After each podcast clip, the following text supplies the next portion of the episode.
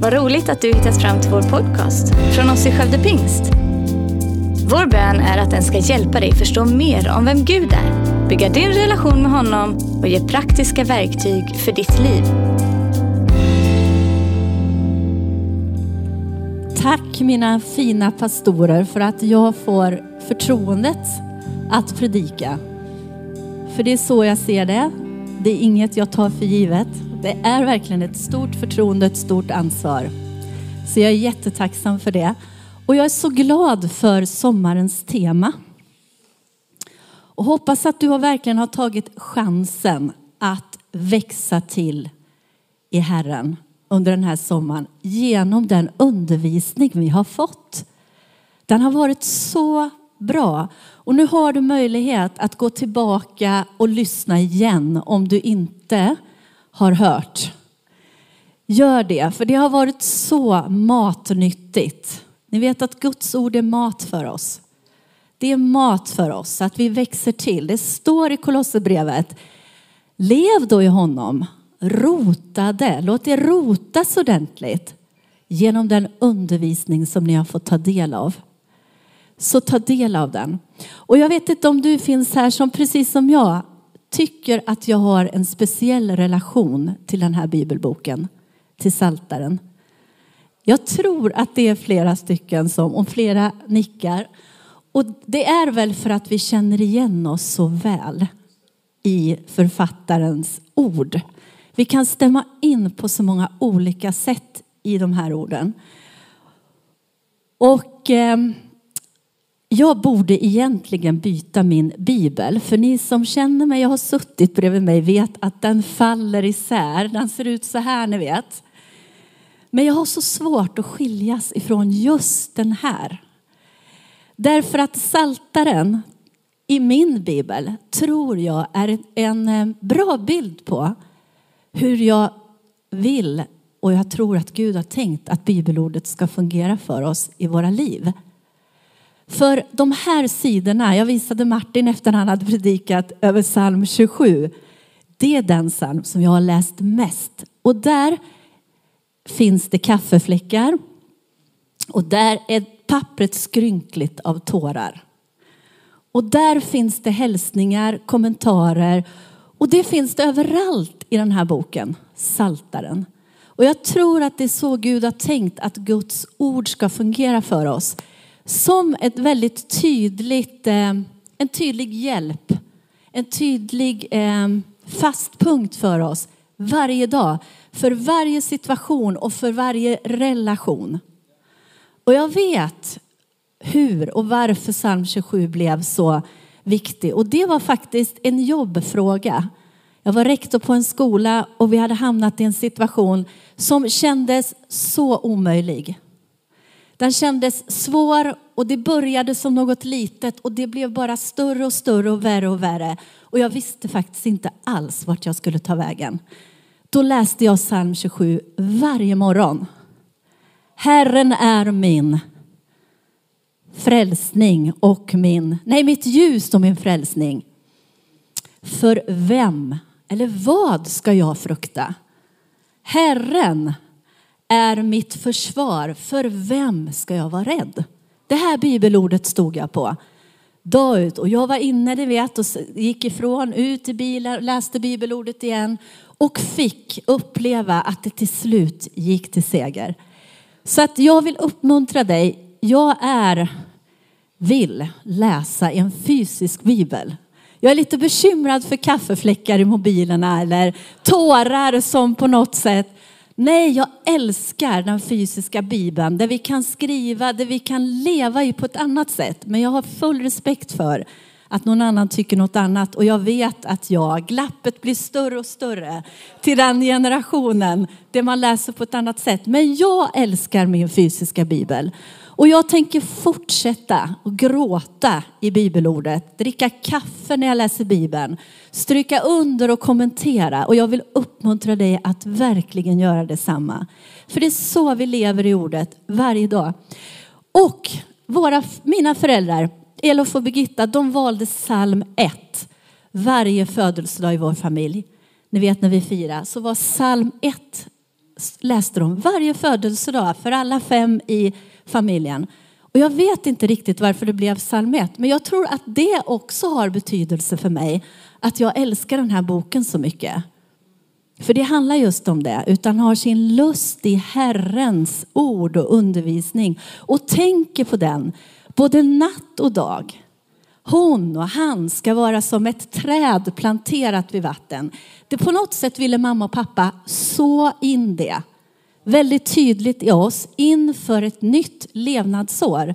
Eftersom de valde den salmen som våran födelsedagssalm.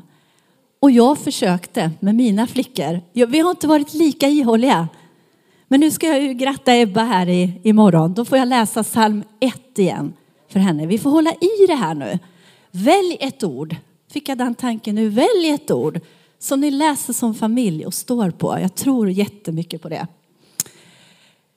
Idag ska vi läsa psalm 30. Det har Simon redan avslöjat och den fick jag eh, av Simon. Här fick man minsann inte välja utan här blev man tilldelad en psalm. Och nu ska jag sätta på mig glasögon och ska vi läsa den här för den är fantastisk. Nu ler de här framme. Men så är det, glasögonen åker på. Tacksägelse för räddning. En psalm, en sång av David vid templets invigning. Jag vill upphöja dig, Herre, ty du drog mig upp ur djupet. Du lät ej mina fiender glädja sig över mig. Herre min Gud, jag ropade till dig och du helade mig. Herre, du förde min själ upp ur dödsriket och tog mig levande tillbaka. Bort från dem som farit ner i graven. Lovsjung Herren i, hans fromma. Prisa hans heliga namn. Ty ett ögonblick varar hans vrede, hel, vrede, hela livet hans nåd. Om aftonen gästar gråt, om morgonen kommer jubel. Jag sa när det gick mig väl, jag ska aldrig vackla. Herre, i din nåd har du gjort mitt berg starkt, men när du dolde ditt ansikte blev jag förskräckt. Till dig, Herre, ropade jag, till Herren bad jag om nåd. Vilken vinning har du av mitt blod, av att jag far ner i graven? Kan stoftet tacka dig? Kan det förkunna din trofasthet?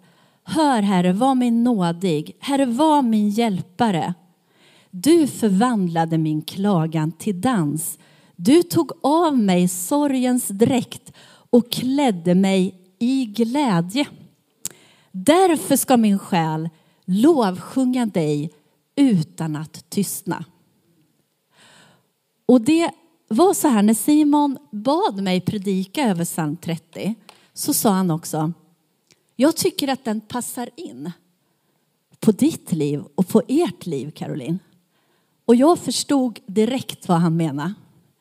Ehm, och jag blev glad över det där. För att, och jag vet inte om Simon ens har tänkt vidare på det där. Men jag har levt kvar i det. Hela sommaren har jag levt i den här salmen. För jag tänkte, vad fantastiskt att han tänker så om oss och vår resa. Att den fortfarande är så aktuell för Simon. Det som för oss är så viktigt, för mig och vår familj. Eh, tänk att Simon fortfarande tänker om oss på det sättet när han läser den här salmen. Det måste väl passa perfekt Caroline. Du bytte min klagan till dans. Ja, absolut att det gjorde. Ehm, och sen dess Simon så har det levt kvar i mig det här med vittnesbördet. Alltså berättelsen om vad Jesus gör i våra liv. Det har blivit så starkt för mig under sommaren. Och eh, försökte komma bort ifrån det när jag läste den här salmen. Och jag sa till Gud, jag har berättat mitt vittnesbörd så många gånger och i så många olika forum. Men jag kunde inte lämna det. Ehm, och det var som Gud sa att det här ska du lyfta som en av dina punkter idag. För det är så här att i församlingsledningen och i pastorsteamet just nu så pratar vi omsorg. Och det är lätt att tänka när det gäller omsorg att det riktas till en viss grupp människor eller att vi har, ja, vi har förväntningar på omsorg på olika sätt. Men Gud sa, du ska utifrån den här salmen tala omsorg idag och hur alla, var och en, kan få vara med att skapa en atmosfär av omsorg, tro och helande. Där var och en av oss som sitter här. Och då finns det delar, det finns många delar som är viktigt för att kunna skapa, vara med och skapa en sån atmosfär som det ytterst sett är Gud självklart som skapar, men vi får vara hans redskap. Där människor, bara de kommer in i vår gemenskap genom de här dörrarna, in i våra cellgrupper, in i alla typer av forum. Där finns en atmosfär av omsorg, tro och helande och förväntan, vilket gör att vi får fler människor som kan stämma in i Davids ord. Och jag tror att vi behöver påminna varandra om det, att det är precis utifrån den här salmen som vi lever som församling och finns till. Det är för att fler människor ska få stämma in med Davids ord. Det är för att fler människor ska få skriva sin egen psalm om Guds ingripande, eh, Guds helande. Det är därför vi finns till. Helande på det sättet att människor ska hitta hem till Gud, men också sen få sina liv förvandlade, upprättade och helade. Och i den atmosfären är vittnesbördet oerhört viktigt. Så jag känner att idag vill jag passa på att uppmuntra oss alla var och en. Hur är det med ditt vittnesbörd?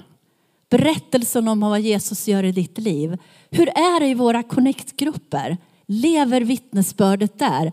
Är det naturligt för dig att berätta om vad Jesus har gjort i ditt liv? Det tror jag är jätteviktigt att blåsa liv i. För det är en del i att skapa den här omsorgsatmosfären. För om vi får höra, precis som David ropar ut, då skapar det tro. Är det möjligt för henne? Är det möjligt i hennes liv? Är det också möjligt i mitt liv? Så jag önskar att vi inte skulle tystna. Och det var det jag kände att Simon uppmuntrade mig så mycket till. Kanske att mitt vittnesbörd har börjat att tystna och läggas långt där bak när det är det viktigaste som har hänt i mitt liv. För mitt och vårt vittnesbörd går som en blodröd tråd genom hela vårt liv nu. Det finns ett tydligt före och det finns ett tydligt efter. Och det får inte tystna.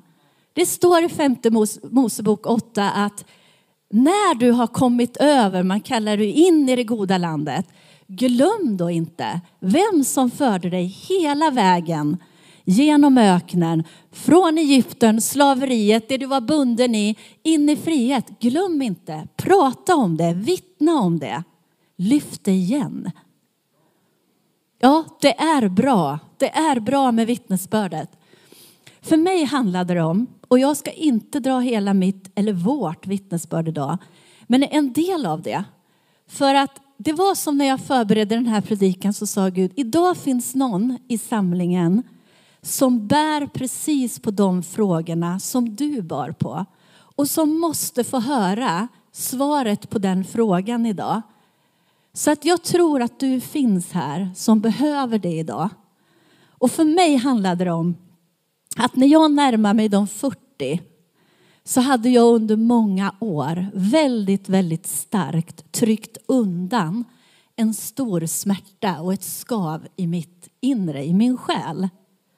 Jag hade kämpat under många år för att hålla det där i schack och hålla mig själv flytande genom olika saker naturligtvis. Och församlingslivet var en sån del. Men ju, ju närmare 40 jag närmade mig och kände att jag blev tröttare och tröttare så kom jag till ett läge i livet där det inte höll längre.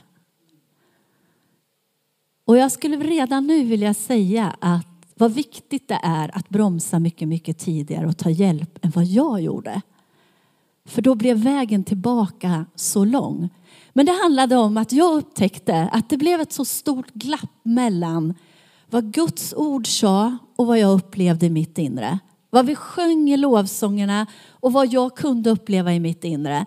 Vad man predikade om glädjen i Gud och tjänandet och jag kunde inte längre känna den glädjen. Och så upptäckte jag att frågan kom tillbaka gång på gång. Det måste finnas något mer.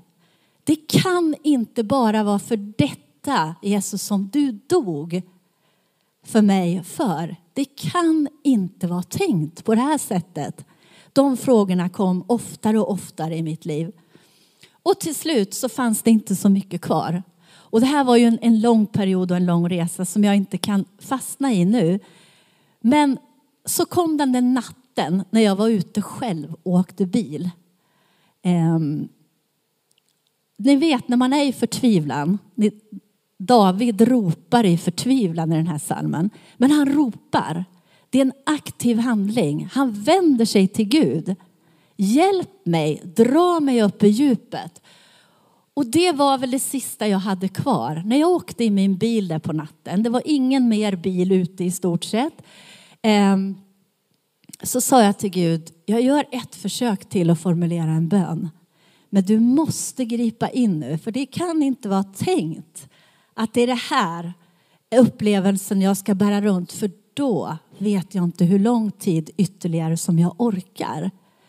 Så jag bad till Gud, grip in i min förtvivlan, där under nattens timmar. Det står det också om i den här salmen. Ehm, och där hände någonting. Och det vill jag tala eller berätta för dig idag som bär på samma fråga. Det måste finnas något mer. Jag känner att glappet har blivit större mellan det vi predikar och det vi sjunger om. Jag kan inte uppleva dig i mitt inre på det sättet. Finns det något mer? Ja, det finns något mer. Det finns något mer. Guds källa sinar aldrig. Det kan finnas saker i ditt liv som han behöver hjälpa dig att bli fri ifrån. Men det finns mer. Släpp aldrig tron på det. Och där när jag stod vid ett trafikljus, och ni vet hur det blir då när det inte kommer bilar, så jag tror att det går mellan rött och gult och grönt ganska snabbt sådär. Men jag såg inte så mycket av det, för jag låg över ratten. Jag brydde mig inte om något som hände runt omkring och det var inte så mycket som hände. Men där fick jag höra en röst som jag aldrig hade hört på det sättet innan. Och det står i Guds ord att Gud ibland kommer som en stilla susning. Och det var så. Men det var också väldigt tydligt och klart budskapet. Det finns mer, Caroline. Det finns djupare djup. Jag vill hjälpa dig till ett helt nytt liv i mig. Wow. Och så talade Gud redan därom din identitet i mig är inte hel. Du har gjort verksamhet och görande till en för stor del i ditt liv när du inte är tillräckligt förankrad i mig. Men jag vill hela min identitet i dig, vem du är i mig. Och du och jag ska tillsammans få lära oss ett helt nytt sätt att leva i ensamheten. I det fördolda, där ska det nya livet födas. Och det var en fantastisk upplevelse. Det finns mer. Det finns mer. Om du finns här idag som just nu bär på de frågorna. Var det här allt? Är det meningen att jag ska ha den här upplevelsen? Nej, det finns mer. Men Gud hälsar idag att stanna upp stanna upp och sök dig nära hans hjärta men också till människor som kan hjälpa dig. Vittnesbördet, berätta för varandra om vad Gud har gjort i era liv. Jag vill verkligen skicka med den uppmuntran idag. För det skapar en atmosfär av omsorg, helande, tro och förväntan. Vi behöver tillbaka till vittnesbördet. Jag saknar det i många forum. Det enkla berättelsen om vad Gud har gjort. För mig var det ju livsförvandlande. Den kommer upp. Det är den blodröda tråden i mitt liv och vårat liv. Hur är det i ditt liv? Hur är det med ditt vittnesbörd? Lever det fortfarande? Eller har det börjat, vad säger man, svalna? Hamna i periferin? Idag tror jag att Gud vill uppmuntra dig att blåsa liv i ditt vittnesbörd. Och kanske är det så att du sitter här och, och funderar på hur är det med mig egentligen och min vandring med Gud? Vad, vad har jag att vittna om? Gud vill alltid möta oss på det sättet att vi har något att vittna om och berätta om. Vittnesbördet kan få vara med och skapa en, en atmosfär av omsorg, tro, förväntan och helande, precis som salmen säger. Nummer två, som hela salmen genomsyras av, det är lovprisningen. Upphöj Herren, börjar David. Mitt i salmen säger han, lova Herren. Och sluta salmen, jag ska aldrig sluta att lovsjunga dig. Jag är så tacksam för att i vår församling är lovprisningen i fokus och i centrum och att vi alltid börjar våra gudstjänster där. Det finns en nyckel i att alltid börja i lovprisningen. Och jag tror att lovprisningen inte är ett verktyg än för oss fullt ut som vi drar den nytta av som Gud har tänkt. Det är en otrolig styrka i lovsången och lovprisningen. Och att vi skulle hjälpa varandra. För om du får utvecklas i din lovprisning tillsammans med Gud, då kommer du också med det till församlingen. Vilket gör att du är då konkret med och bidrar till en atmosfär av omsorg, tro, helande och förväntan. Lovsången är fantastisk.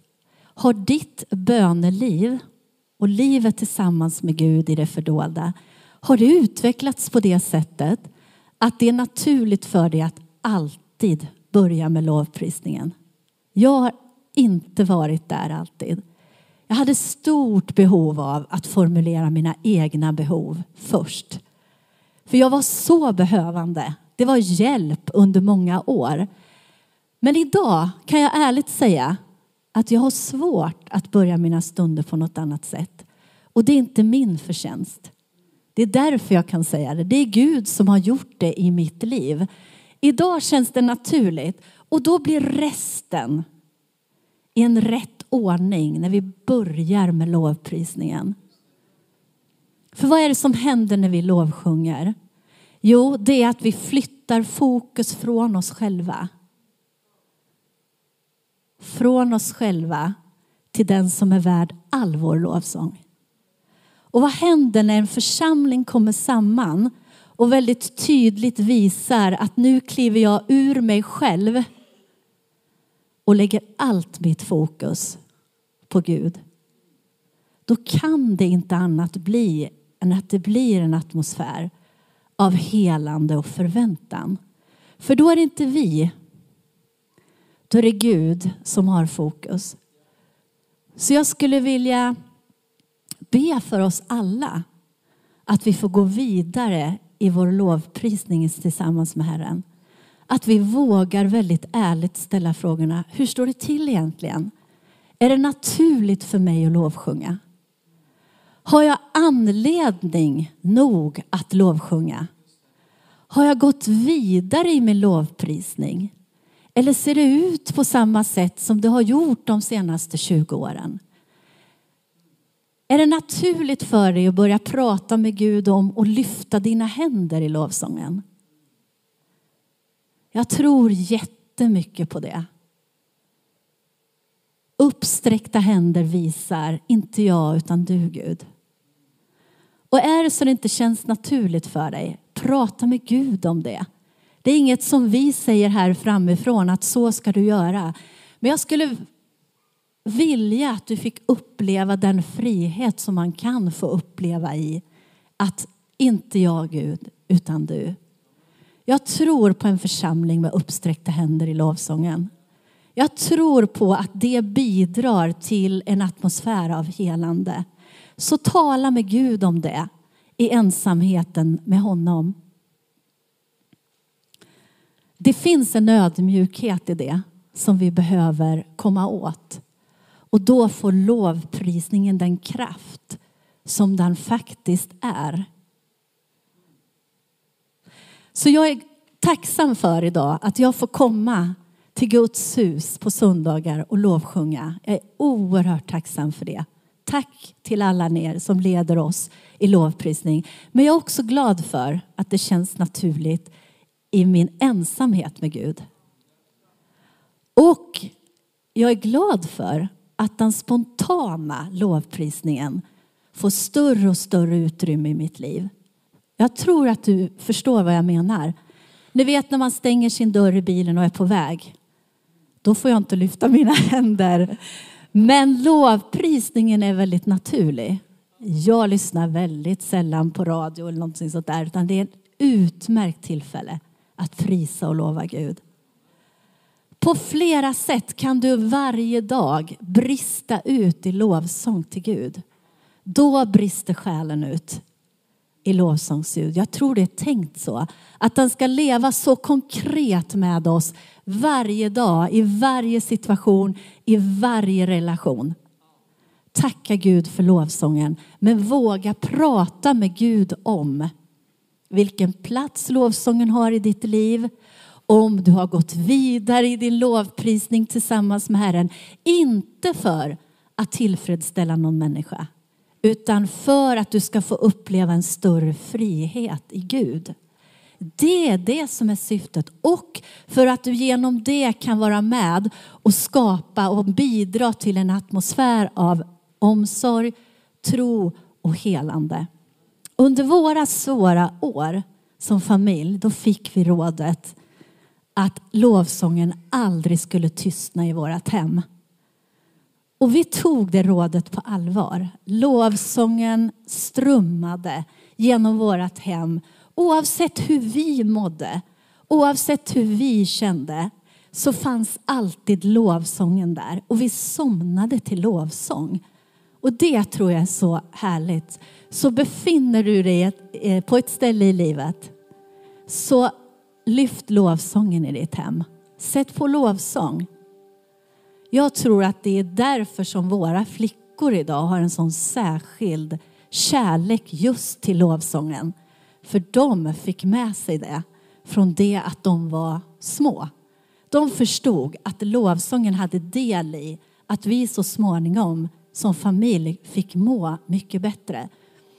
Och när lovsången i en period har varit allt du har, som det var för oss, när du inte ens kan formulera en bön, du har inga ord längre eh, för att själen verkar på det sättet, då är du tacksam för lovsången.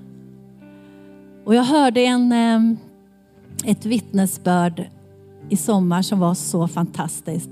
Vi har fått ett par nya vänner faktiskt genom vår medverkan i Äktenskapspodden och det är värt att lyfta Äktenskapspodden här. Eh, som tog kontakt med oss efter vi hade varit med och delat vårt vittnesbörd där. Och nu har vi eh, fortsatt umgås och träffas regelbundet. Och i sommar hade hon sommarandakt i sin församling, den här kvinnan.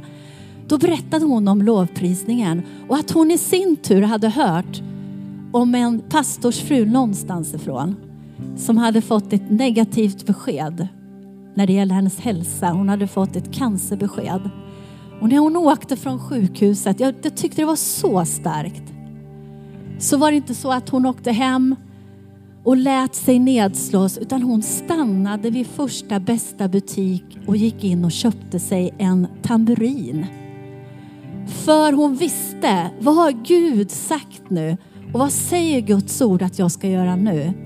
Och dansa, spela, lovsjung och prisa Gud. Och det, för det säger inte berättelsen om. Det var det enda instrument hon kunde spela. Men förstår ni den troshandlingen hon gjorde? Hur orkar hon? Direkt på resan från sjukhuset så gick hon in och köpte sin tamburin. Och så spelade hon och så sjöng hon och så lovsjöng hon. Och hon fick ta emot ett helande. Jag tyckte den var så stark så jag skrev till Johanna så, tack för att du delade det här.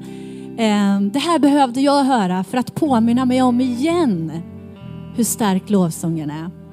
David börjar, jag vill upphöja dig Herre. Och han slutar, jag ska aldrig sluta att prisa och lova dig. Så jag vill uppmuntra dig till slut här. Låt lovsången vara en del av ditt liv.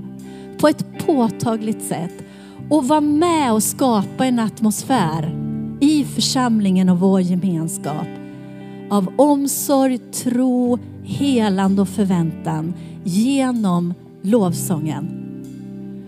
Nu hade jag en punkt till men jag ligger redan på minus. Så det får bli nästa predikan om hur vi kan vara med och så ta det här till dig. Låt vittnesbördet leva. Jag fick en påminnelse om vårt vittnesbörd. Tack Simon för det. Och låt lovsången ljuda. Låt Herren få ta dig vidare på lovsångens väg. Tack far för lovsången i våra liv. Tack för det eh, starka vapen som lovsången är. När vi sträcker våra händer mot dig och talar om, inte, inte i vår kraft, utan vi är så beroende av dig Fader. Tack för lovsången. Och jag ber för var och en som sitter här nu, att du ska tala personligt om lovsången i våra liv. Vad är nästa steg för mig när det gäller lovprisningen? Fader, låt oss ödmjuka oss ännu mer i lovsången så att den får den kraft och helande och tro och förväntan som den förtjänar. Tack för att du blåser liv i vittnesbörd här i bänkarna just nu. Tack att berättelsen om vad du har gjort i våra liv, far. Tack att du blåser liv i det just nu. Tack att du påminner oss om att du alltid är trofast. Du sviker oss aldrig och det finns mer i dig för den som känner sig trött och har förlorat en del glädje. Där glappet har blivit för stort. Det finns mer. Och tack för att du vill möta. Du mötte mig den där natten med en helt ny röst. Ett helt nytt budskap för mig då. Tack att du blåser liv i berättelserna om vad du har gjort i våra liv. Tack att du går här i bänkarna just nu och du lägger din hand på vårat huvud och du uppmuntrar Fader. Du har alltid varit god. Du har alltid varit trofast. Tack att du ska ta det till seger som är utmaningar just nu. Tack att du ska ta det till seger. Vi förtröstar på dig. Tack för ditt ord. Tack för den här sommaren. Tack för all undervisning. Låt oss få växa till närmare Gud till dig. Amen. Tack för att du lyssnat. Dela gärna podden med dina vänner och glöm inte att prenumerera så du inte missar nästa predikan. Om du har några frågor eller vill att vi ska be eller tacka för något tillsammans med dig så får du gärna höra av dig till kyrkan skövdepingst.se. För oss är veckans höjdpunkt söndagens gudstjänst och det vore så kul att träffa dig där. Våra team finns då redo att ta emot dig och det finns även egna samlingar för barnen. Du hittar mer information om oss, vilka vi är och våra olika mötesplatser på skövdepingst.se. Gud välsigne dig och ha en fortsatt bra vecka.